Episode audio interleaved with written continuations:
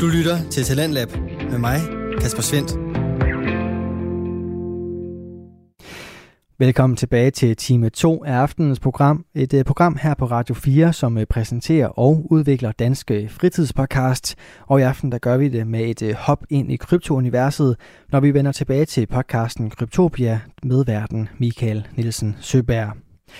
Han er med her i aften med hans første episode fra sæson 2, som tager det hele et niveau op og et skridt længere ind i kryptoverdenen, når vi skal høre Michaels samtale med gæsten Rune Christensen, der er CEO og co-founder af MakerDAO, som er en øh, decentraliserende stablecoin. Det kan du blive meget klogere på her i aften sammen med Michael og Rune, og selvfølgelig også medverden Peter Gilardi Mikkelsen. Man kan sige, det, jeg kæmpede ret meget for det, da, da Maker ligesom flyttede vores øh, kontor til, øh, til Danmark for jeg skal mig om, det var 3-4 år siden. Vi flyttede, vi, vi, sag, vi, jeg, flyttede, jeg flyttede for, jeg boede i Thailand inden, men så flyttede jeg, til, øh, flyttede jeg hjem til Danmark igen.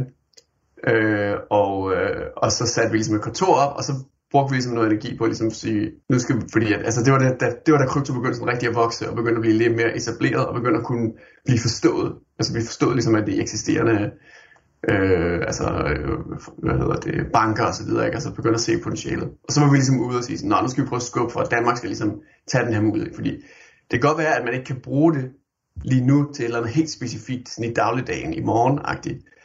Men altså, der er steder, hvor, hvor folk ligesom har været i stand til at forstå det her kæmpe potentiale, der er, hvordan det ligesom er en slags, altså det her det er sådan en strategisk mulighed, ikke, at blive et, mm. et sted, hvor man kan ligesom kan drive den her innovation. Øh, og det var for eksempel i Schweiz, der var der rigtig meget, øh, altså det, kunne, det forstod de ligesom i Schweiz, kan man sige, de forstod systemet ligesom, og det, det fik de rigtig meget, altså det, det har der været stor øhm, øh, til fordel for dem, ikke? At, at, at, at du fik den her meget øh, øh, altså tidlige sådan, uh, land grab, ligesom med meget innovation øh, til, til Schweiz for eksempel. Ikke? Øh, men altså, det jeg ligesom oplevede over årene i Danmark, der nemmest fik mig til at opgive det her med det her med at skubbe, altså sådan virkelig sådan øh, forsøge at lave sådan en push for, at Danmark skulle ligesom blive sådan en innovationshub for krypto. Det var, altså det var, at der var sådan en eller anden form for generelt lavere interesse i krypto, for krypto, end, mm. end, øh, end hvad jeg ligesom så fra, fra, fra andre lande eller kulturer, man sige. Øh, og når der er interesse for krypto i Danmark, så oplever jeg altså, så, så minder det jo mere om, hvad jeg, altså, altså, så er det tit sådan noget med, at folk gerne vil spekulere på en eller anden coin, altså, og, og altså, det mest populære exchange i Danmark er, er Binance, by far. Altså, hvis man ser på sådan nogle danske, normale krypto communities, så handler det rigtig meget om sådan noget, handler sådan noget Ripple og Tron og Cardano og sådan, altså de der, det der ligesom er sådan fælden for folk, altså det er faktisk ikke det rigtige krypto, kan man sige. Det er ligesom, det er sådan, der findes ligesom sådan nogle, altså der er ligesom en scam-sektor af krypto, ikke? der sådan er lavet til ligesom at, at, forsøge at fange folk til at undgå ligesom at forstå, hvad det rent faktisk handler om, og så skal de bare smide en eller anden fælde, hvor de skal sidde og gamble på et eller andet værdiløst. Ikke? Ja, det, er godt, øh, det undrer mig, hvorfor skete altså, det var ikke... Hvad siger du, Peter? til det godt, jeg har en kaffe, ellers var jeg blevet ked af det, fordi det er fuldstændig rigtigt, det Rune siger. Altså, altså, okay, så, så vil jeg godt lige stille spørgsmål til det, fordi du nævner jo blandt andet øh, Cardano i, i, i den forbindelse. Øhm, øh, min opfattelse har der ikke været, at, øh, at det, det er et fuldstændig øh, håbløst projekt, øh, der, der er i det. Kunne du sætte nogle flere ord på lige Cardano lige hurtigt? Hvad, hvad er dine tanker omkring det, og, og hvorfor er det ikke et, et super projekt? Jamen altså, Cardano, altså i, hvad skal man kalde det, i kryptoverdenen, er folk, der ligesom arbejder i krypto og forstår krypto. Altså der er Cardano, det er, ja, altså, enten er det et scam, eller også er det en joke. Altså, det er, ja altså, kan, altså, altså, lortet virker ikke. Altså, det er ikke engang, altså, jamen jeg ved slet ikke, hvad jeg skal, hvordan jeg skal starte med det. Altså, men det, det er, altså, det er et eksempel, altså, men Cardano er, det er ligesom Ripple. Altså, det er et marketingprojekt. Der er ingen substans overhovedet. Den form for substans, der er, altså, den er ligegyldig, fordi det, det har aldrig været deres mål at bygge noget, der fungerede. Det eneste, der har været deres mål, det er simpelthen bare at få folk til at købe deres coin og hvad hedder det, tjene en masse penge på folk, der ikke altså der ikke kan se forskel på, hvad er reelt og hvad er, hvad forkert, ikke? Øh, altså, det, det, der skete med Cardano, det var, at de gik i flere overvis og snakkede her, uh, vi har sådan noget peer review. De ævlede altid løs som sådan noget peer review pjat, ikke? Med de har sådan nogle professorer, akademikere til at sidde og lave peer review på deres pjat, ikke? Og hvordan de er så meget bedre end alle de andre. Der, altså, og så leverede de aldrig deres teknologi. Det vil sige, de kunne ligesom altid have den der sky's the limit ting med, ikke? Med sådan, åh, oh, jamen, bare vent til du ser, hvad vi, hvad vi kommer med, for det er peer review, ikke? Og uha, Altså, det er noget helt andet. Uh, ja. det er så meget bedre. Og så, så kom de med deres dims, ikke? Og så lancerede de det, og så virkede det ikke, fordi de anede ikke, de havde, altså det var sådan noget med, at de lavede en blockchain, der den kunne, køre en, den kunne kun køre en transaktion ad gangen, det vil sige, der var ikke nogen af deres systemer, der virkede, fordi hvis du havde 100 personer, der forsøgte sådan at lave, ligesom interagere med blockchain på samme tid, så er det ligesom kun en af dem, en af deres transaktioner ville så gå igennem, og de andre 99, deres transaktioner ville fejle, det vil sige, det var sådan, altså det virker, men, men det fungerer så dårligt, altså det svarer til, at de har lavet en eller anden, alle andre de sidder og laver iPhones, og så har de lavet en eller anden lommeregner, altså sådan en eller anden, virkelig, altså, og det er simpelthen, altså, ja, ikke? altså det er fuldstændig til grin, at sådan noget kan ske, ikke? Men, det, men det er så fordi, at, og det er det samme som for eksempel et projekt som Ripple, altså hvor det i virkeligheden er, det er bare alt, altså det det handler om, og det det også handler om for dem, der ligesom investerer i det, det er jo ikke, altså de skal bare tjene nogle penge, altså det handler om at tjene nogle nemme penge, og der er jo ikke nogen, der rent faktisk forstår, hvad fanden der foregår, altså, og, sådan, og ligesom ser ind bagved, hvad er det, altså det har de ikke lyst til, fordi det det handler om, det er, at de kan tjene nogle penge, ikke? altså, og hele den sådan, kultur, den del af krypto, det er sådan set kun en, altså, det, det er en del af krypto, der når rigtig, rigtig langt ud, og ligesom rammer, når til steder, som, som, som det, ligesom, hvad kan man kalde det, det seriøse blockchain, ikke som man ikke kan nå hen til. Mm. Øh, men samtidig er det jo kun en lille del af det. Ikke? Altså, ja, og det er sådan ikke, at, det, at, at, at altså, i Danmark, der falder man ligesom for det, øh, og det er sådan primært det Danmark, altså, det er jo lidt sådan, det taler lidt imod, hvordan vi ellers uh, her i Danmark godt kan lide at se os selv som værende sådan de sofistikerede, øh, ja vestlige, nordige, nordiske lande, ikke? Altså, der uha, har styr på ting, ikke? Men altså, ja, ja. Vi, det, for som jeg kan se, så, så er danskerne mindre styr på det her, end, øh, end folk i Filippinerne eller sådan noget, ikke? Altså, altså der, der har de øh, øh, som en, en kæmpe fanboy af Charles Hoskinson, der sidder og ser alle hans live talks og så videre, så rammer du mig lige in the fields med at sige sådan noget der. Men øh, jeg må jo øh, jeg må tage stof til eftertanke, og, øh, og du er jo tydeligvis langt, langt klogere på det her, end jeg er. Så der er der helt klart nogle ting, jeg lige skal have læst op på. Og det kunne også være, at du har lyst til at komme ind øh, til, til et andet afsnit, hvor vi kunne gå lidt mere i dybden i forhold til, til lige præcis det specifikke der. Men, øh, men nu skal vi faktisk lige have sendt bolden over til, til Peter, som jeg ved også har øh, en anekdote med i hvert fald øh, fra jer to, som vi lige skal høre lidt om. Nå, nej, men ikke så meget en, en anekdote, det var bare mere, hvad hedder det, øh, jeg synes det kunne være sjovt også at prøve at, at tale lidt nu, hvor du var inde også på hele det her community, hvor det startede, altså bare lige om, øh, om du kunne dele lidt om, øh, om Bitcoin-centret i New York, øh, fordi det, det, det var ret sjovt for mig i hvert fald, så jeg ved ikke, om du har nogle gode historier derfra. Ja, altså det var så, øh, jo, men det var, det var fordi vi startede Maker, øh, eller jeg, jeg jeg startede ligesom med rigtig tidligt, så, så ret hurtigt, så kom der nogle andre øh, folk fra, sådan, fra de her forskellige communities, som jeg havde været med i inden, altså de her stablecoin communities, der ligesom var før Maker og før, øh, før Ethereum også, kan man sige. Og så gik det lidt op, og så vi skulle lave, vi skulle lave en stablecoin på Ethereum, og så, og så øh, der, kom vi ligesom, altså så fik vi ligesom stablet det her sådan helt oprindelige øh, team på benene, og det var især mig og så min, min, øh, min, min primære co-founder, øh, der så tog, tog, tog til New York, eller han boede faktisk i New York på det tidspunkt, så jeg tog til New York for ligesom at besøge ham, skulle vi sidde ned og ligesom sidde og lave det, det indledende arbejde samtidig. Øh, og til den tid, altså, der var jo sådan fattige, altså nærmest ikke, altså det var jo, det var jo sådan, i 2005, der var krypto, det var sådan, altså det var ikke særlig, det var ikke særlig godt gang i den, kan man sige. Øhm, og det var mest bitcoin, altså der var ikke rigtig noget andet end bitcoin dengang. Altså man, og det eksisterer til den, til den dag i dag, ikke? at der er sådan en ting med bitcoinere, der ligesom, de kan ikke lide andre ting end bitcoin. Øh, og, og, og dengang, der var det, altså i dag der er, det, der er det en minoritet af kryptoverdenen, det er de her bitcoin-maksimalister, som man kalder det. Ikke? Men dengang, der var ligesom det, det primære, det var, at alle var sådan set bitcoin-maksimalister. Rune, kunne jeg få dig til lige at uddybe, hvad er en bitcoin-maksimalist? Jamen altså en bitcoin-maksimalist, det er det er den samme, altså, det er ligesom den samme dynamik, der får det her til at ske med, at folk de tror Cardano er så skide godt, selvom, altså uden at vide, hvordan teknologien er en joke, for eksempel, ikke? eller Ripple er så godt, uden at vide, at det er et scam. Der, hvor så de... folk, der, der investerer i bitcoin på grund af det filosofiske? Nej, ja, altså, man kan sige, jeg, jeg vil ikke tro, at folk, der ligesom falder for Ripple eller falder for Cardano, det er på grund af filosofi. Det, men det, og man kan sige, det, med Bitcoin, der, der kommer det til udtryk mere som sådan en filosofisk ting. Men altså i praksis, der vil jeg mene, at alle de her ting, det er alt sammen baseret på, hvor har man sine penge investeret. Det er, det er ligesom der, hvor man lægger sine penge, der lægger man ligesom også sine følelser, kan man sige. Ikke? Mm. Og så er der nogen, de ligesom, der er nogen, de kan ligesom gå meget, altså der kan det gå så vidt, at man ligesom nærmest lægger sin identitet i det.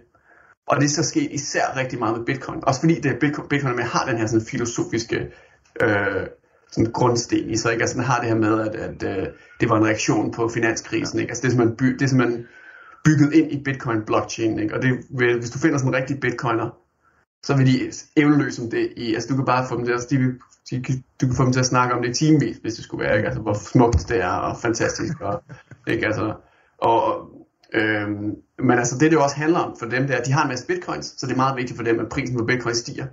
Og de kan ikke lide, hvis der er andre coins, fordi så kunne der være folk, der tog deres bitcoins og brugte dem til at købe andre coins med. Og så skaber den her bitcoin-maksimalisme, hvor ligesom andre ting er ligesom haram nærmest, ikke? Altså det er, det er, det, det, hvad hedder det, det er, det er øh, ligesom imod, imod Guds ord at gå ud og lege med, med andre kryptoting, der ikke er det ægte bitcoin.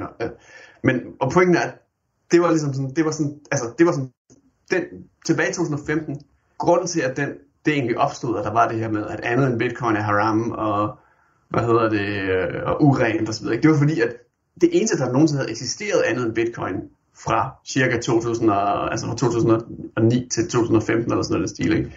Det var sådan nogle, altså det var sådan nogle scams. Så det var ligesom kopier af bitcoin, der ligesom var dårligere end bitcoin på en eller anden måde, og hvor der var nogle penge, folk der ligesom fik en masse bitcoins, altså det her, de her kopier her, til at starte med, og så forsøgte de at skamme andre folk til at købe deres fuldstændig værdiløse projekt, ikke?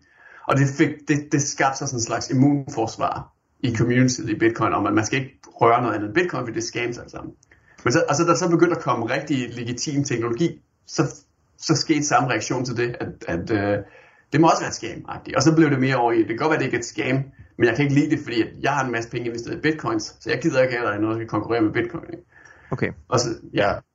Så. Og så tror jeg, oven i det, så havde det også noget at gøre med, at man dårligt turde tro på det. Altså jeg kan da huske, øh, altså fordi jeg, jeg kan genkende alt det, du siger der med, og så er der også den her med, at, at det var også bare det her med, hvis bare bitcoin kunne virke, øh, så ville det være fantastisk. Så det der med også at, at hvad kan man sige, dilute fokus ved at sige nu, øh, altså lad os nu bare alle sammen samarbejde om at få bitcoin op at stå. Altså det kan jeg da huske var, var en stor del, synes jeg også af communityet. Altså det var sådan lidt, altså, lad, altså fuck nu af med alle jeres nye idéer. Altså er I, er I ikke klar over, hvor svær den her mission bare er, som den er? Altså, hvor, hvor, hvorfor skal vi nu til at prøve at få storhedsvandvid med alle mulige andre ting? Altså, det tror jeg også var en del af det. Ja, jeg var faktisk selv i den camp, da Ethereum blev annonceret. Så da Ethereum blev annonceret, så var jeg inde og skrive nogle sure kommentarer om, hvad men jeg tænker, hvorfor bruger jeg så meget tid på det her pjat, og hvorfor bygger det ikke på bitcoin, og øh, øh, øh ikke? Altså, hvor jeg jo noget evneløs om.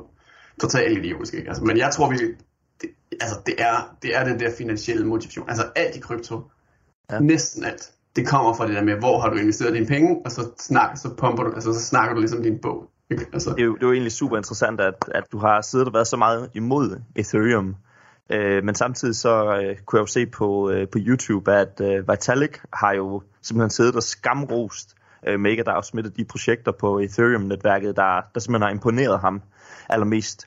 Og øh, MakerDAO bliver jo også omtalt som den her granddaddy of øh, DeFi. Det må jo også være en titel, som, øh, som du er stolt af at gå ud fra. Ja, altså helt klart. Og jamen, det er jo fordi, man kan sige, altså, jeg endte så ligesom med at at skifte mening, kan man sige, omkring Bitcoin og Ethereum osv. Og det, det kan man, altså, og det kan man også sige, det stammer fra det med, at jeg så en mulighed, og på en måde, altså, jeg så en mulighed for at skabe værdi, og, og på en måde kan man sige, som jeg, lige pludselig så var det til, i min interesse, at det skulle gå godt for Ethereum, ikke? Og så, så var det, gjorde det mig muligt, gjorde det muligt for mig ligesom at, hvad kan man sige, afprogrammere den her Bitcoin-maksimalisme ud af min hjerne på en eller anden måde, ikke? Altså, og, og nu er jeg selvfølgelig, altså nu til dags, der er der heldigvis ikke så mange, der er stadig, der er ikke lige så mange, der ryger den der form for sådan meget simple fælde, ikke med at ligesom at, at ikke at kunne øh, ligesom øh, øh, separere ligesom det rationelle og det finansielle fra det emotionelle, ikke? og det politiske og det ideologiske osv. Øh, men altså ja, altså vi var jo, vi, vi var så, altså da vi så de her muligheder på Ethereum, og begyndte at bygge på Ethereum, så var vi ligesom med helt fra starten af. Så vi begyndte at bygge øh, Maker, hvad det, før Ethereum overhovedet lanceret. Og jeg tror faktisk, altså der er nogle ganske få andre projekter, der stadig ligesom er i live i dag, som der faktisk var i gang helt tilbage dertil. Men der er i hvert fald ingen andre, altså der er ingen andre nogen, der, der, ligesom, der ligesom har ramt sådan en, en succes på samme måde som Maker. Ikke? Altså, hvor, øh, så, så, vi er klart den eneste, der sådan, øh, har overlevet så længe, og, og rent faktisk stadig er relevant i dag på det niveau, som, som Maker ligesom er. Og det betyder så også, at vi er set som sådan dinosaurer og boomer. altså, altså det er sådan en af de mest go-to ting, som jeg bliver kaldt, jeg bliver kaldt for en boomer i, i krypto community. øh, og jeg føler mig også lidt sådan, altså fordi det er sit, jeg ser sådan noget, det der, jeg ser noget af det der nymodens uh, super komplicerede DeFi, hvor de sådan uh, pakker, uh, altså de laver et eller andet sådan fem gange, så laver de sådan fem hop med, så tager de investeret det, og så pakker de noget andet, og investerer noget andet, og laver det om til noget andet og så laver, giver de et eller andet super højt, øh, eller super høj rente til sidst, og så sidder jeg bare og siger, get off my lawn, altså. Og så mener folk så, det er jo bare fordi, at jeg er, jeg er så gammeldags inden for krypto, jeg kan ikke forstå alt det der nye der. Men jeg har selv været, og, altså, jeg startede selv uden som værende ham, der ligesom kom med et eller andet super nymodens, så sad lige der bitcoin og var sådan, nej, lad nu være med alt det der komplicerede. Øhm, Ja, altså, det både er en fordel, fordi altså, så, så laver vi jo færre fejlrone, øh, men samtidig så er det da klart, at der, altså, der er der også nogle nye ting, som vi først ser ret sent, der faktisk i virkeligheden bliver sådan late adopters på, på noget af det nye, der kommer frem. Men, øh, men jeg, er super, jeg, jeg er super spændt på at høre sådan omkring øh, Maker. Altså, hvad, hvad er ligesom jeres store move fremadrettet? Altså, nu har I jo, øh, hvad hedder det, som sagt, øh, etableret jer som, øh, som virkelig et af de mest øh, altså old school og, og legit øh, krypto øh, enterprises, plus at I har nået et market cap på, på sådan en rimelig, rimelig pænt, men, men hvad er ligesom fremadrettet? Man ser alle de her nye stablecoin-projekter, der begynder at komme frem og sådan noget der. Altså hvad er jeres, øh, og, og jeg ser stadigvæk I er meget integreret i Ethereum. Altså hvordan ser I på interoperability, og har I prøvet at se på at migrere dig til, til andre kæder? Altså hvad, hvad er ligesom jeres øh, aggressive push for at prøve at etablere jer i fremtiden også. Peter, inden vi lige gør det, vil du lige uddybe, hvad er interoperabilities, som du nævnte der? Ja, selvfølgelig. Det er, at øh, de forskellige kæder kan snakke sammen, og det vil okay. sige, at samarbejde. Ikke? Altså man kan migrere en kryptovaluta fra den ene kæde til den anden, uden at det er, er særlig svært. Okay, super. Ja, altså, så jeg, jeg, jeg hvad hedder det, øhm, øhm, ja, først så, så det, det primært som Maker har været fokuseret på. Øh, faktisk, altså de har faktisk, det, var, det tog os måske lige et år eller to, og sådan ligesom opdage vores identitet på den måde, kan man sige. Ikke? Men, øh, men altså helt fra starten, der var et Maker, der havde vi jo det, altså der var vi der med, at der skal være få MKR omløb, fordi vi ligesom skal være noget andet. Vi skal være mere seriøse, vi skal ikke være sådan pumpy og hype fokuseret, vi skal være reelt, vi skal ligesom være fokuseret på reel værdi. Ikke? Øh, og det udviklede sig så til, at vi ligesom fandt ud af, at man kan ikke have det der øh, ligesom øh, rive det hele ned og bygge noget helt nyt op mindset. Altså det, det er ikke realistisk at have det over for det finansielle system. Ikke? Det, og det er jo ellers det, som ret meget krypto altså handler om, at, at det, verden, hele systemet er korrupt, og nu skal vi lave noget helt fuldstændig splinter nyt, hvor alting bare skal være helt fuldstændig nyt og bygget op på bunden af. Ja. Og i Mega, der, der, der fandt vi ud af, at det der faktisk ligesom giver rigtig god mening, og den måde man ligesom laver den her langsigtede værdi og fokuserer på, ikke det der er flashy, men det der ligesom kommer til at være mest værdifuldt på lang sigt. Øhm, det er ligesom at finde ud af, hvordan kan vi samarbejde med det eksisterende finansielle system, og ligesom reformere i stedet for at revolutionere, kan man sige.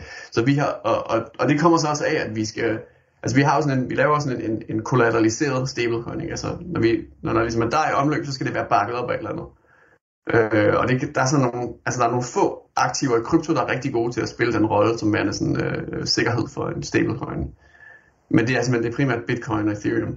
Øh, der er ikke rigtig noget andet, der ligesom på nogen måde nærmer sig deres niveau, når det kommer til at kunne, kunne øh, levere, altså både den stabilitet, men også ligesom levere, ligesom have, øh, ligesom have den, den form for, for efterspørgsel for ligesom at være en, der går ud og, mm. og leverer stabiliteten, kan man sige. Øh, og det, vi, og det fandt vi så meget hurtigt, der er simpelthen der er ikke nok, altså der er ikke nok Bitcoin og Ethereum til at, og, hvad hedder det, bakke alle de her stablecoins op, som der ligesom er efterspørgsel for. Mm. Så du er nødt til at, du er ligesom nødt til også at gå ud i den virkelige verden og finde en rigtig værdi i den virkelige verden til også at skabe en stabilitet, fordi øhm, altså ellers er du nødt til at have sådan noget Dogecoin og sådan noget, altså så er du nødt til at gå ud i sådan noget mere spekulativt, hvor det hele så kan, det er et korthus, der ligesom kan falde sammen, ikke? Og, og vi så så ligesom, at det er ikke lige så flashy at gå den vej, helt klart. Altså, øh, men, men ligesom det sikre og det langsigtede, det er at kigge på, hvordan får vi noget sådan, altså hvordan får, går vi ind og får noget, øh, hvad hedder det, fast ejendom, og ligesom får taget fast ejendom ind på blockchainen, og brugt det som sikkerhed for dig. Ikke? Du lytter til Radio 4.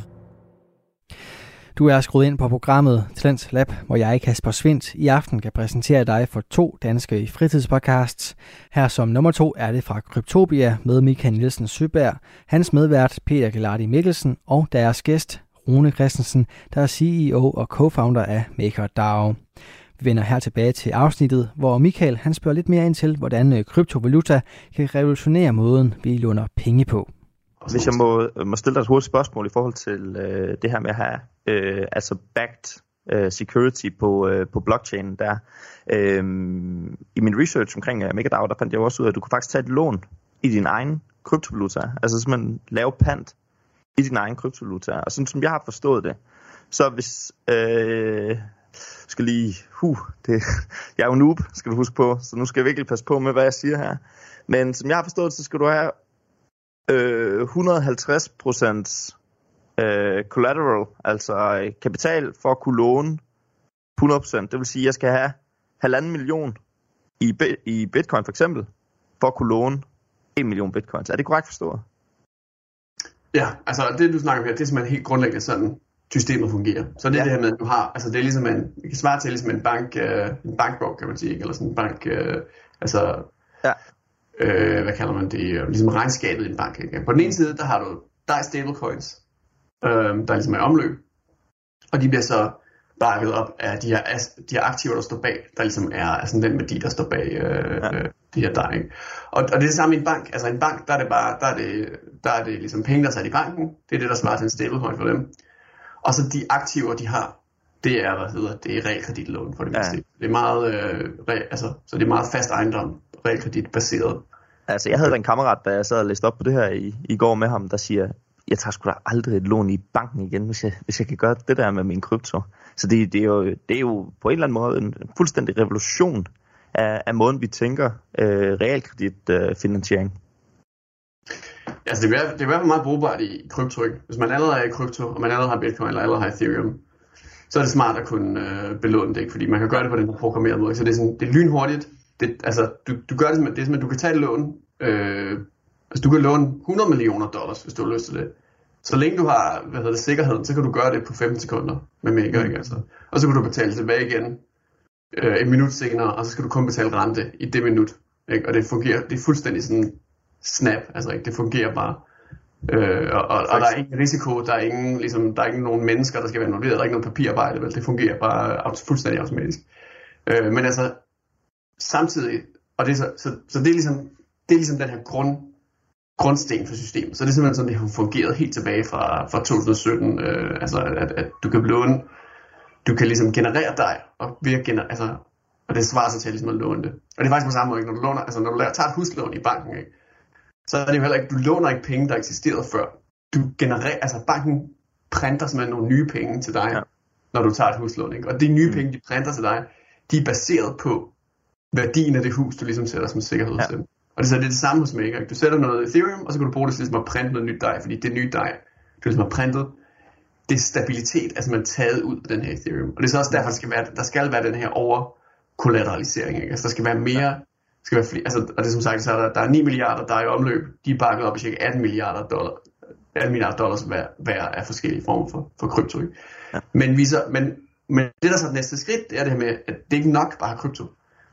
Du skal også have rent faktisk rigtig, aktiv, altså, øhm, rigtig værdi for den virkelige verden. Ikke? Det er jo der virkelig den solide værdi ligger. Ikke? Altså, det er jo ikke ude på internettet, at du finder sådan verdens allermest øh, mm. reliable værdi. Ikke? Altså, det er jo det er jo primært fast ejendom, for eksempel statsobligationer, øh, og sådan nogle, nogle traditionelle, mere traditionelle finansielle instrumenter. Ikke? Så det er det, vi har fokuseret rigtig meget på, det er, hvordan kan vi gå ud og få dem ind på blockchain, og så bruge dem til os, og, altså bruge dem til os at skabe den her form for kredit med, og så også til at, at, at, at gøre det muligt at skabe mere, skabe mere stabil dej. Og vi har faktisk allerede, altså vi har faktisk allerede en hel del af de her real world asset øhm, transaktioner, der er aktive i dag. Så så for eksempel så Maker, altså så dej, øh, stablecoin, den bliver brugt til at, øh, og, og, og ligesom at funde for eksempel øh, konst, altså sådan nogle konstruktionsprojekter i New England for øh, af, af sådan nogle øh, bilmekanikere. Øh, så der er sådan en bilmekaniker konstruktions øh, øh, funding, hvad kalder man det, sådan investeringsselskab, der altså, har arbejdet med Maker. Det er, så, det, er, altså, det er så fordi, det, det er jo sådan en person, der ligesom har været i Maker Community i mange år. Ikke? Så det er mm. på grund af en specifik person. Det er ikke på grund af, at der er en eller anden årsag til, at det skulle være den industri. Okay. Øh, men altså, øh, der er sådan en person, altså han er sådan, en, en, en, en, en, ligesom lederen for sådan en af de her selskaber her. Øh, faktisk det, det ledende, nummer et ledende selskab, der, konst, der finansierer konstruktionen af bilmekanikere i New England, hvilket er ret sjovt, ikke? men de, de står så og låner sig der, altså de, de har så sat op sådan en, en, en, øh, en meget kompliceret juridisk og øh, teknisk konstruktion, der gør det muligt for dem at låne penge af Mega, og de låner sig til cirka 3%. Øhm, og så det de så gør, det er at generere dig, og så bliver de så sat i sådan en trust, altså sådan en, ja, sådan en meget sikker juridisk øh, setup, der er baseret på sådan noget Delaware.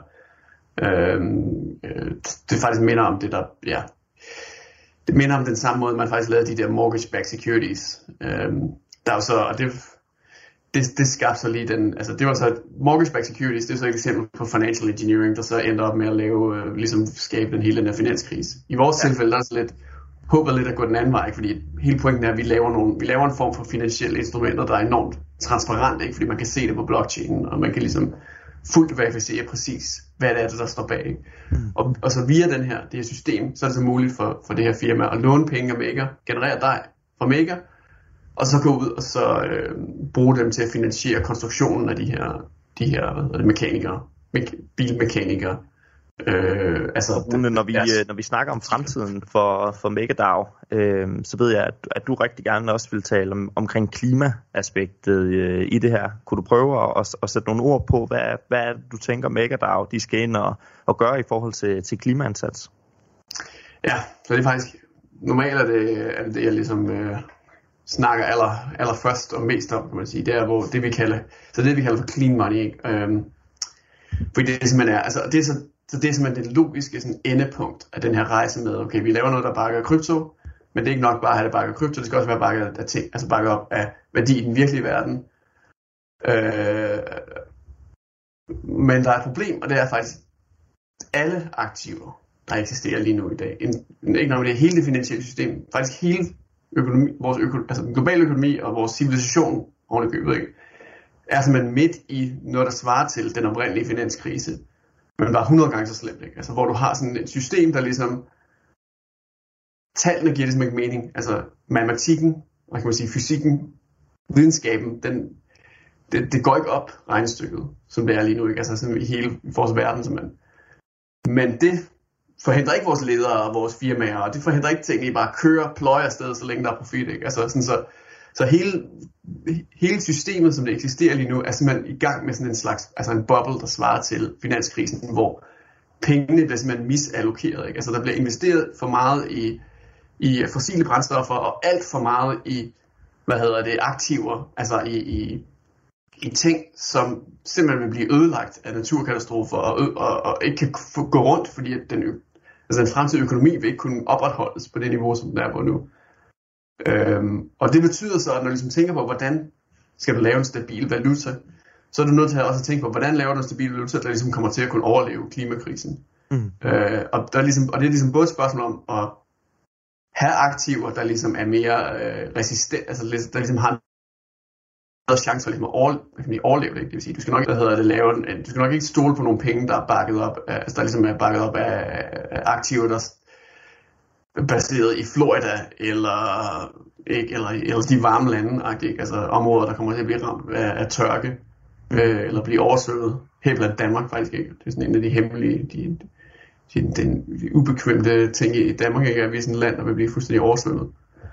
øhm, men, men i stedet for, altså, at man skal ligesom se på, at det der vil være de virkelig sådan stabile aktiver i fremtiden, det vil være, det vil være ligesom fast, altså det vil være øh, altså land og fast ejendom og firmaer, der er baseret i steder som New Zealand og, og hvad hedder det, altså sådan, altså de nordiske lande, kan man sige. Så ja, Danmark er lidt sådan en mellemting, hvor vi ligger godt klimamæssigt, ligger ikke så godt øh, hav, øh, vandstigningsmæssigt. Øhm, men det er så den ene ting, det er ligesom at lave, altså stabilitet skal ligesom tage klimaforandringerne med. Fordi der er jo, altså nu er vi allerede, vi har noget punkt nu, hvor der er meget, meget store klimaforandringer. Altså noget helt, meget mere øh, øh, altså radikalt, end hvad vi har set indtil videre. Ikke? Altså tingene kommer til at fuldstændig at ændre sig ikke, over de næste årtier. Øhm, og vi er kun lige ramt det der inflection point nu, hvor nu er vi ramt det, hvor hver eneste år kommer til at blive værre end det år før. Og så den her, altså den, hvor, hvor, hvor meget værre det bliver hvert år, det kommer så til at accelerere også. Ikke? Og det kommer så bare til at blive ved og ved og ved og ved og ved, indtil at økonomien bliver fuldstændig omstillet, og vi, altså, og, og, og, og hvad hedder det, de fossile brændstoffer bliver fuldstændig afskaffet. Og det er så den anden ting, det er, at der er det her problem med, at der bliver investeret så vanvittigt mange penge i gas og, og kul. Vi har, den her, vi har den her energikrise lige nu, der er sådan, uha, vi må hellere skynde os ud og investere noget mere i gas og kul. Ikke? Og det, er så, altså, det betyder så bare, at vi går endnu hårdere i den retning, som der ligesom er, at det der grundlæggende ikke hænger sammen i verden lige nu. Ja. Og, og, og, og det er også spørgsmål om penge, altså det er spørgsmål om, hvor bliver pengene ligesom, kan, altså hvor bliver kapitalen ligesom kanaliseret hen? Ja, og det er jo det, Øh, blockchain skal ind og, og, og hele tiden kunne vise, ikke? Ja. Ja, men altså, når folk for eksempel sætter penge i banken, ikke? hvad sker der så med de penge? Jamen, de bliver højst sandsynligt smidt et eller andet, der udleder en hel masse CO2. Øhm, og det er så der, at, at, at, at vi ligesom kan se, at med blockchain-teknologi kan du for, for det første, kan du ligesom, du kan, for det første kan du bevise, hvad sker der med de her penge. Altså, bliver det smidt i noget, der udleder helt meget CO2 og forurening, øh, og så tager du et eller, andet, et eller andet logo og siger, at det er greenwashed. Altså, så siger du, ja, ja, det er totalt green, det er green gas, eller green coal, eller hvad ved jeg ikke, men altså, det er jo sådan, det fungerer lige nu, ikke? at der er ikke nogen måde, du kan bevise på, om noget er grønt eller ej. Så derfor så siger du bare, at det er grønt, og så i virkeligheden, så er det ikke grønt. Ikke? Altså, og det er bare igen og igen, så det, så det ligesom hænger sammen. Ikke? Og med blockchain-teknologi kan vi ligesom begynde at bevise de her ting omkring forsyningskæderne. Ikke? Og på den måde ligesom skabe en, en ny dynamik, hvor det er ikke nok ligesom at sige, det er grønt, og så lyve om det. Men du er ligesom nødt til at ramme en ny standard, hvor du beviser, at det er bæredygtigt, det du laver. Ikke? Og så når du investerer i ting, så skal du ligesom Altså en investor skal ligesom kræve, at når de investerer i noget, så skal de vide, at, at, de får, at det er bæredygtig profit, de får tilbage. Ja. De sidder ikke og tjener profit på at udlede forurening eller andet sted, rent faktisk skal, altså destruere mere, de skaber, men er bare i stand til stadig at trække lidt energi ud af det. Eller, eller prøve at trække profit ud af det. Ikke? Så, så next level øh, verificering af, af, ja, af grøn omstilling, kan man godt sige. Ja, altså det er jo det, der er sådan lidt desperat at, at, brug for lige nu. Eller rettere sagt, det var der desperat brug for for 20 år siden. Og nu er det sådan lidt mere, mere end desperat. Altså. Problemet er bare, at det er sådan en, altså, det er sådan en, en finanskrise ting, ikke? hvor det er en, en vanvittig krise, vi er midt i, men vi kan ikke sådan mærke det, fordi det hele kører fint. Så hvorfor, mm. hvorfor bekymre sig om det? Ikke?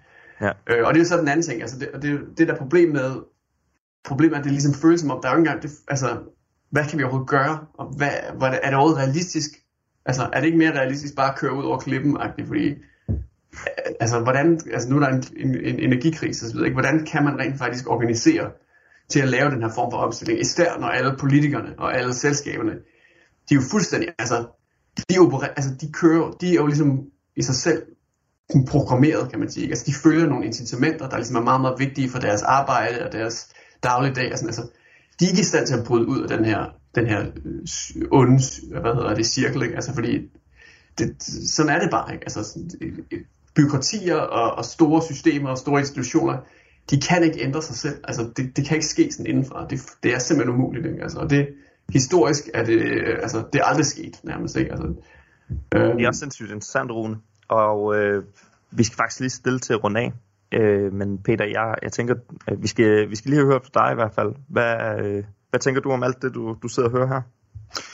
Jeg tænker, der er meget at dykke ned i. Altså, ja. øhm, der, er, der er i hvert fald nogle ting, jeg tænker, lad os lige bare lige for at gribe den tangent, der er blevet åbnet her. I forhold til, til forsyningskæder, Rune, altså er der nogle altså, cases eller løsninger, du synes, der giver mening? Fordi jeg har nemlig selv prøvet at sidde med, med forsyningskæder og prøve at få det til at give mening.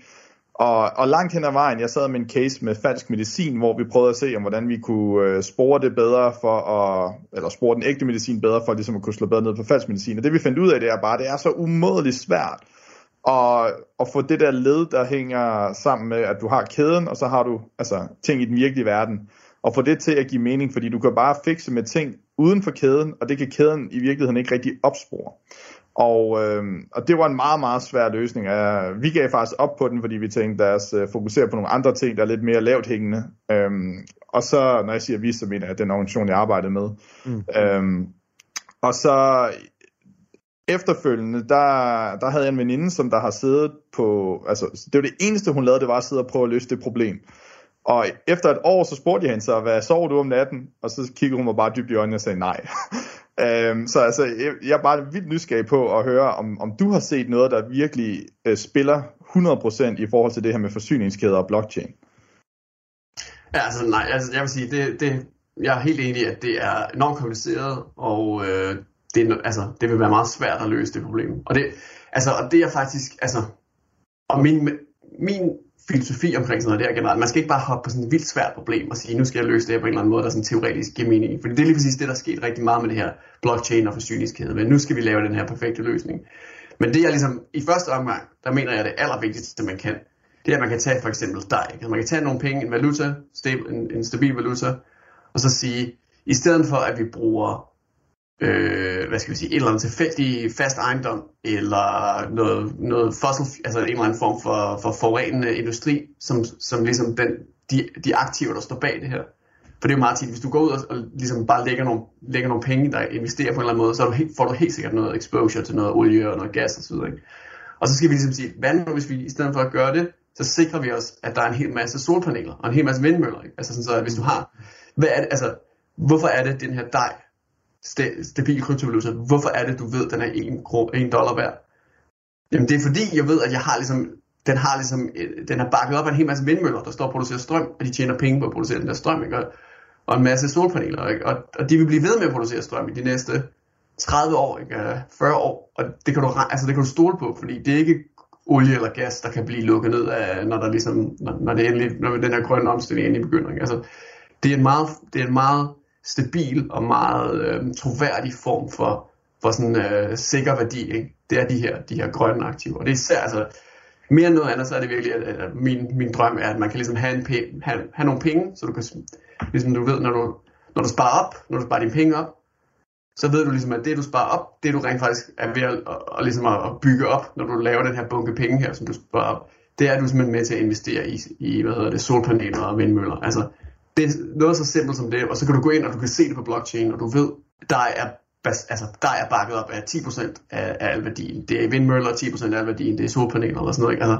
bare noget så simpelt som det, det tror jeg vil kunne gøre en kæmpe forskel. Fordi jeg tror også, det vil kunne appellere til folk, der ligesom har den her frustration med, at okay, vi ved, at jorden er ved at gå under, men der er ikke noget, vi kan gøre ved det, og de siger til os, at vi skal stoppe med at bruge plastiksugerør. Og så er det ligesom om, men altså, det hjælper ikke noget, vel? Men altså, det er alligevel sådan noget med, uh, genbruge en lille smule og stoppe med at bruge plastiksuger. Ikke? Altså, og det, det gør meget, øh, noget. meget symbolpolitik i, øh, og for lidt handling. Ja, lige præcis. Ikke? Og det er jo fordi, at det handler om penge, og problemet er, at politikerne og de her selskaber, det hele det handler om, hvordan det er penge. Og de har ikke lyst til at give slip på deres penge. Altså, vi er nødt til ligesom selv at tage den her, tage, ligesom, tage fast om pengene, kan man sige. Ikke? Og ligesom, altså, ligesom angribe problemet der, hvor det rent faktisk altså hvor det virkelig betyder noget, hvilket er gennem hvordan penge fungerer, ikke? og det finansielle system fungerer. Og det er jo der, hvor krypto kommer som den der outsider, der giver os muligheden for at ligesom starte forfra og se på det på en, på en ny måde, ikke? hvor vi så kan forsøge at, at, at ligesom virkelig omstille det finansielle system. Øh, blandt andet ved bare at sige, at der er, det betyder, altså, der er god efter, altså, det kan blive en succes, hvis du bare laver en, en øh, altså sørg for, at dine penge er, er bakket op af hvad hedder det, grønne øh, aktiver ikke? og grøn energi. Det er fedt. Du lytter til Talentlab med mig, Kasper Svendt. Vi er i gang med aftens anden fritidspodcast her i Tendens Lab. Det er programmet på Radio 4, som giver dig nye stemmer, fortællinger og måske endda nye holdninger. De kommer i denne omgang fra podcasten Kryptopia, hvor Michael Nielsen Søberg og hans medvært Peter Gelardi Mikkelsen har besøg af Rune Christensen, der er CEO og co-founder af den her stablecoin, der hedder MakerDAO. Og øh, vi vender her tilbage til aftenens episode, hvor Peter han spørger ind til blockchain-teknologien Ethereum så tænker jeg også, Rune, vi bliver simpelthen nødt til at, at lige prøve at udforske Ethereum lidt. Uh, fordi det, det er sjældent, vi har en mand i studiet med, med så stor indsigt, som du har. Altså, øh, nu snakker vi for eksempel om, at DAI bliver, bliver brugt mainstream i Argentina, og, øh, og altså, sideløbende så har vi Bitcoin, som nu er blevet godt implementeret i El Salvador. Du kan gå ind på en Starbucks og, og købe en kaffe med, med Lightning osv. Øhm, har I tænkt jer at stadigvæk blive ved med at være altså hovedsageligt Ethereum-baseret? Eller er der andre kæder, I har set ind i? Og, og hvis ja, øh, hvad ser du ligesom i forhold til, til det, der sker i Ethereum lige nu? Der er jo rigtig meget snak om, om 2.0, der bliver forsinket, og der er mange holdninger, og der, der er mange, der sådan står og, og ikke rigtig ved, hvad de skal tænke. Altså, hvor, hvor sidder I i Maker, og hvordan ser I på det her? Ja, altså vi sidder som grundlæggende, så er vores, har vores mål altså været at lave en decentraliseret, øh, stabil kryptovaluta. Ikke? Og, og det der er det kæmpe store problem med den her, med, med der er forskellige blockchains øh, og, og scalability, altså det her med, at, hvis du har en blockchain, så bliver den ligesom fyldt op, og så øh, kommer der, så bliver det rigtig dyrt at sende transaktioner.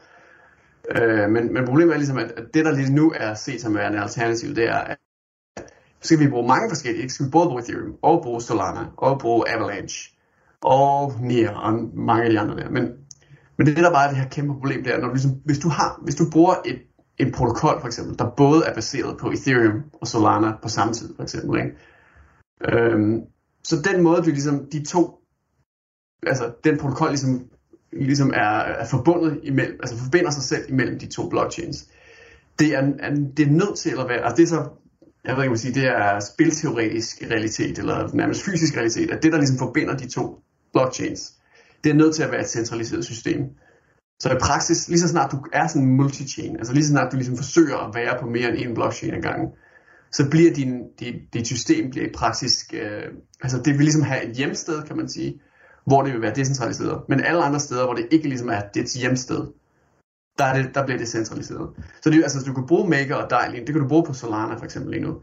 Men det er ikke super interessant at bruge DAI på Solana, fordi det du rent faktisk bruger, det er ikke sådan rigtig decentraliseret dej. Det er en, ligesom en, en IOU, altså det er ligesom en token, som du kan gå hen til et eller andet firma, eller rettere sagt til en multisig, eller altså, til en, til en gruppe af firmaer, og så kan du ligesom sige, jeg vil godt have noget rigtig dej for min den her øh, IOU dej. Men hvis de så ikke gider at give dig rigtig dej, så, så får du det ikke. Og du, du har ikke den her, altså den der form for sådan suverænitet og, og sikkerhed og alt det der, som blockchain egentlig handler om. Det forsvinder fuldstændig i den her situation. Og det er desværre sådan et grundlæggende problem, der, der er ikke rigtig fundet nogen øh, god løsning på det endnu, selvom man har kigget, altså det, man har virkelig brugt mange år på at kigge på det. Så jeg tror virkelig, at fremtiden vil være, at det vil være, altså, der vil være de her store sådan, kontinenter af, af blockchains, der ligesom øh, altså, hvor, hvor tingene ikke rigtig kan interoperere på den, på den der måde. Øh, altså, og så rent og så beholde deres decentralisering. Så, sådan, så ting som, som centraliseret stablecoin, som Tether og sådan noget, det fungerer rigtig godt over det hele, ikke? fordi det er i forvejen centraliseret, så det er ikke noget problem. Men et system som for eksempel Maker, altså man er nødt til at vælge et sted, som sådan hjem, en slags hjembase, hvor du har den her decentralisering, og du har de her sikre, altså alle de her garantier, som det hele handler om at, at give brugeren med, at der ikke er nogen der er ikke et firma, eller en eller anden person, eller en eller anden CEO, der sidder og beslutter sig for, om skal du rent faktisk have dine penge eller ej. Ikke? Øhm, og der er vi så, vi er simpelthen, vi er, altså vi er gift med Ethereum, ikke? fordi vi er opvokset med Ethereum. Der er ikke nogen måde, vi vil kunne flytte et andet sted hen og sige, nu skal vi ikke være Ethereum længere, nu skal vi være Solana eller sådan noget. Så i praksis så, ikke rigtig fordi, altså, det er simpelthen fordi, at min, min interesse er, at Ethereum skal blive en succes, så derfor er jeg ligesom, altså jeg er lidt det, man kan kalde en Ethereum maximalist, ikke? Altså, jeg, jeg, jeg vil meget gerne se, at Ethereum ligesom vinder det hele og ender op med at være den, det, det der kommer til at, at ligesom være systemet, som kører ligesom sådan det fremtidige finansielle system og alt sådan noget blockchain, det alt sammen kommer til at være, altså det kommer til at være forbundet tæt til Ethereum på den ene eller anden måde. Det kan, det kan jeg sagtens følge, og, øhm, og jeg er i høj grad også øh, enig med dig, har selv været på samme rejse, og også bare for at at dele en, en sjov historie om, om, hvor vildt det der mindset er, fordi jeg var også, øh, Nick han sendte os til Berlin for at, at opkøbe alle de bitcoins, vi overhovedet kunne få i, øh, i 2014, og, øh, og der var vi endda forbi Ethereum-kontoret, og, og min partner gad godt at snakke med Vitalik, jeg gad dårligt at snakke med Vitalik, fordi jeg var bare ude efter, hvor kan vi finde de her bitcoins, ikke? så jeg forstår godt det der, det der sentiment, så, så, og, og i dag der er jeg også fuldstændig på din side, jeg håber virkelig, at Ethereum øh, får løst sine ting. Øh, men jeg er bekymret over, hvad hedder det, at, at der er de her store gas fees. Øhm, og jeg synes, det har taget meget lang tid øh, for dem at få det her løst, og det kan jeg godt forstå, fordi det er også nogle af de største udfordringer, man overhovedet kan blive præsenteret med inden for kode. Så jeg er også meget tålmodig. Men det var bare mere for os at prøve at dykke lidt ned i, altså når du ser på, på Ethereum og, og det arbejde, der foregår lige nu, altså bliver, tænker du sådan, okay, det her det er, det er virkelig bekymrende, eller det her det er virkelig noget, der gør, at vi bare slapper helt af. Altså, altså hvad er det med, når I ser ind i Ethereum, hvad er det så ligesom I ser? Ja, jeg vil sige, jeg vil sige, vi slapper helt af. Altså Ethereum har klart, det, det der er med Ethereum, det er fordi det startede ud på sådan en meget tidlig stadie, med meget, hvad kan man sige, primitiv teknologi på en måde, sammenlignet med nogle af de her nye øh, fancy ETH killers, som man kalder dem, ikke? Solana og så videre. Så Ethereums øh, ligesom, øh, svar på ligesom, hvordan skal, vi så, hvordan skal vi så lave skalering? Det har ligesom været, at vi skal ikke bare lave good enough skalering. Der, altså, det der ligesom skete, det var, at Ethereum var godt nok, fungerede fint i 2015. Nu er det 2022, nu fungerer det ikke godt nok længere. Ikke? Men nu er der de her nye blockchains, Solana og så videre, og de fungerer fint til 2022. Men realiteten er, i 2030 vil de være ryge ind i fuldstændig samme problem, som Ethereum er inde i nu. Så derfor så, og det så Ethereum så fun- har fokuseret på, det er sådan den rigtige løsning, der også vil fungere om 100 år, også vil fungere om 1000 år. Og det er så det, man kalder en, en modular blockchain, hvor det du gør, det er, at du, sådan, du ligesom sådan splitter blockchainen op i mange små stykker, kan man sige. Der er så, men der er alle sammen, de, de beholder alle sammen den samme decentralisering og den samme sådan grundlæggende sikkerhed. Men de kan så køre lyn, altså virkelig, virkelig lynhurtigt. Altså, og der, og det, det, og man kalder dem roll-ups, de her, de her systemer, der ligesom er sådan nogle mini-blockchains, der så ligesom sådan, der ligesom øh, settler, altså der ligesom, øh, ja, ligesom har deres sikkerhed baseret på Ethereum, men kører sådan lynhurtigt selv. Og der er så, der er sådan noget, der hedder Optimistic Rollups, de er, de er live lige nu, der er sådan, der er Arbitrum og Optimism, de er sådan de to øh, største af dem. Øh, og de har, sådan, de har stadig ikke super meget aktivitet, og de har sådan nogle downsides. Og dem i Mega er vi faktisk lige ved at lancere en løsning, der faktisk vil, øh, der faktisk vil, vil, vil, vil fikse meget af deres problemer, fordi ved at gøre det muligt sådan at, at lave sådan en instant overførsel af dig mellem Ethereum mainnet og så også de her rollups.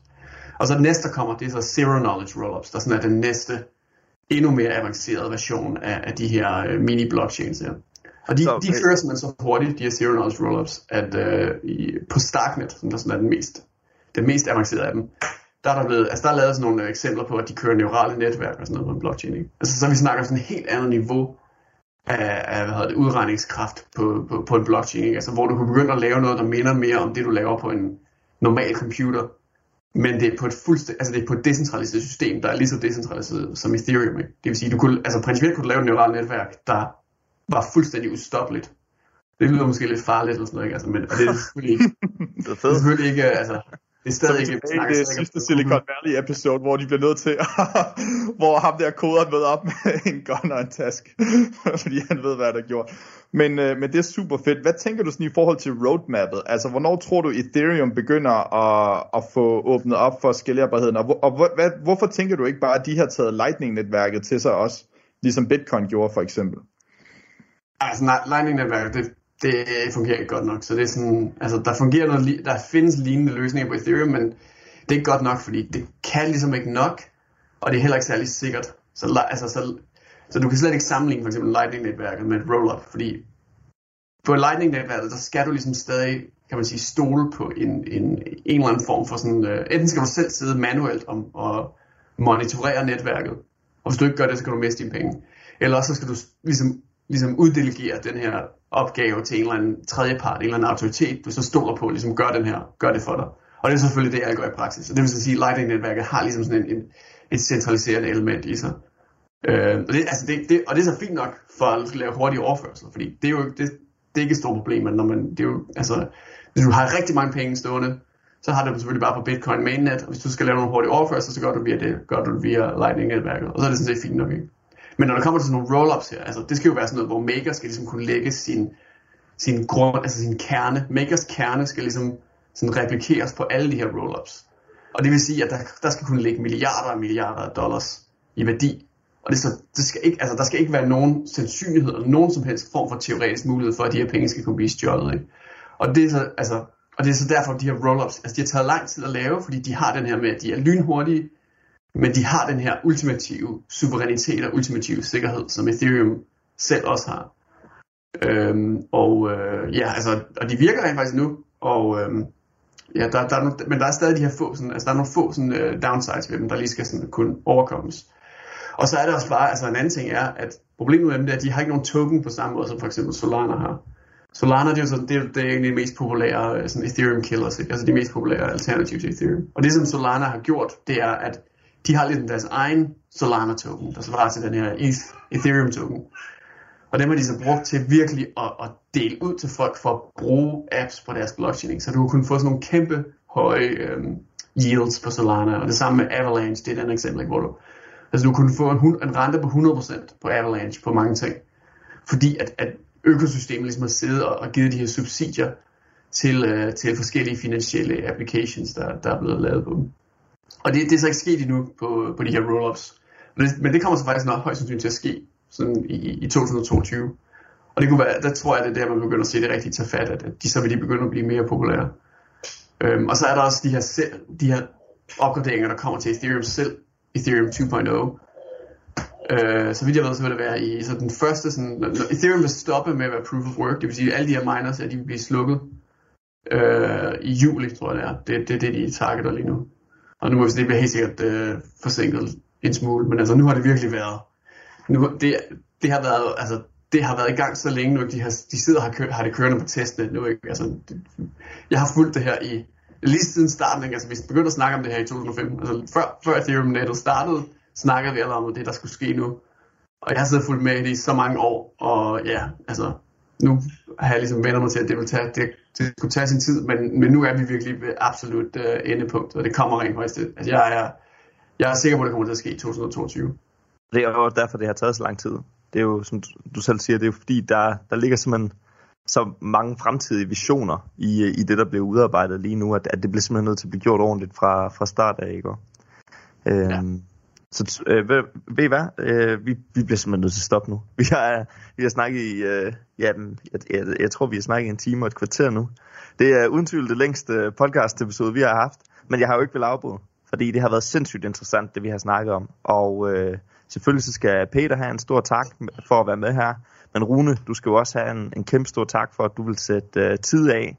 Jeg kunne høre, at du har øh, nogle børn i baggrunden, du har forladt for at sidde og tale krypto med, med os her. Det skal du altså have tusind tak, fordi du, øh, du vil komme ind og, og gøre os lidt klogere på Maker, uh, din egen rejse og, og fremtidige visioner her. Så tusind tak. Jeg håber, uh, du har lyst til at være med i, i et andet afsnit, hvor vi kan dykke ned i nogle af de ting, vi har snakket om her vi vil i hvert fald øh, rigtig, rigtig gerne se dig igen herinde. Ja, men tak skal jeg og ja, det var, det var hyggeligt. Det var godt.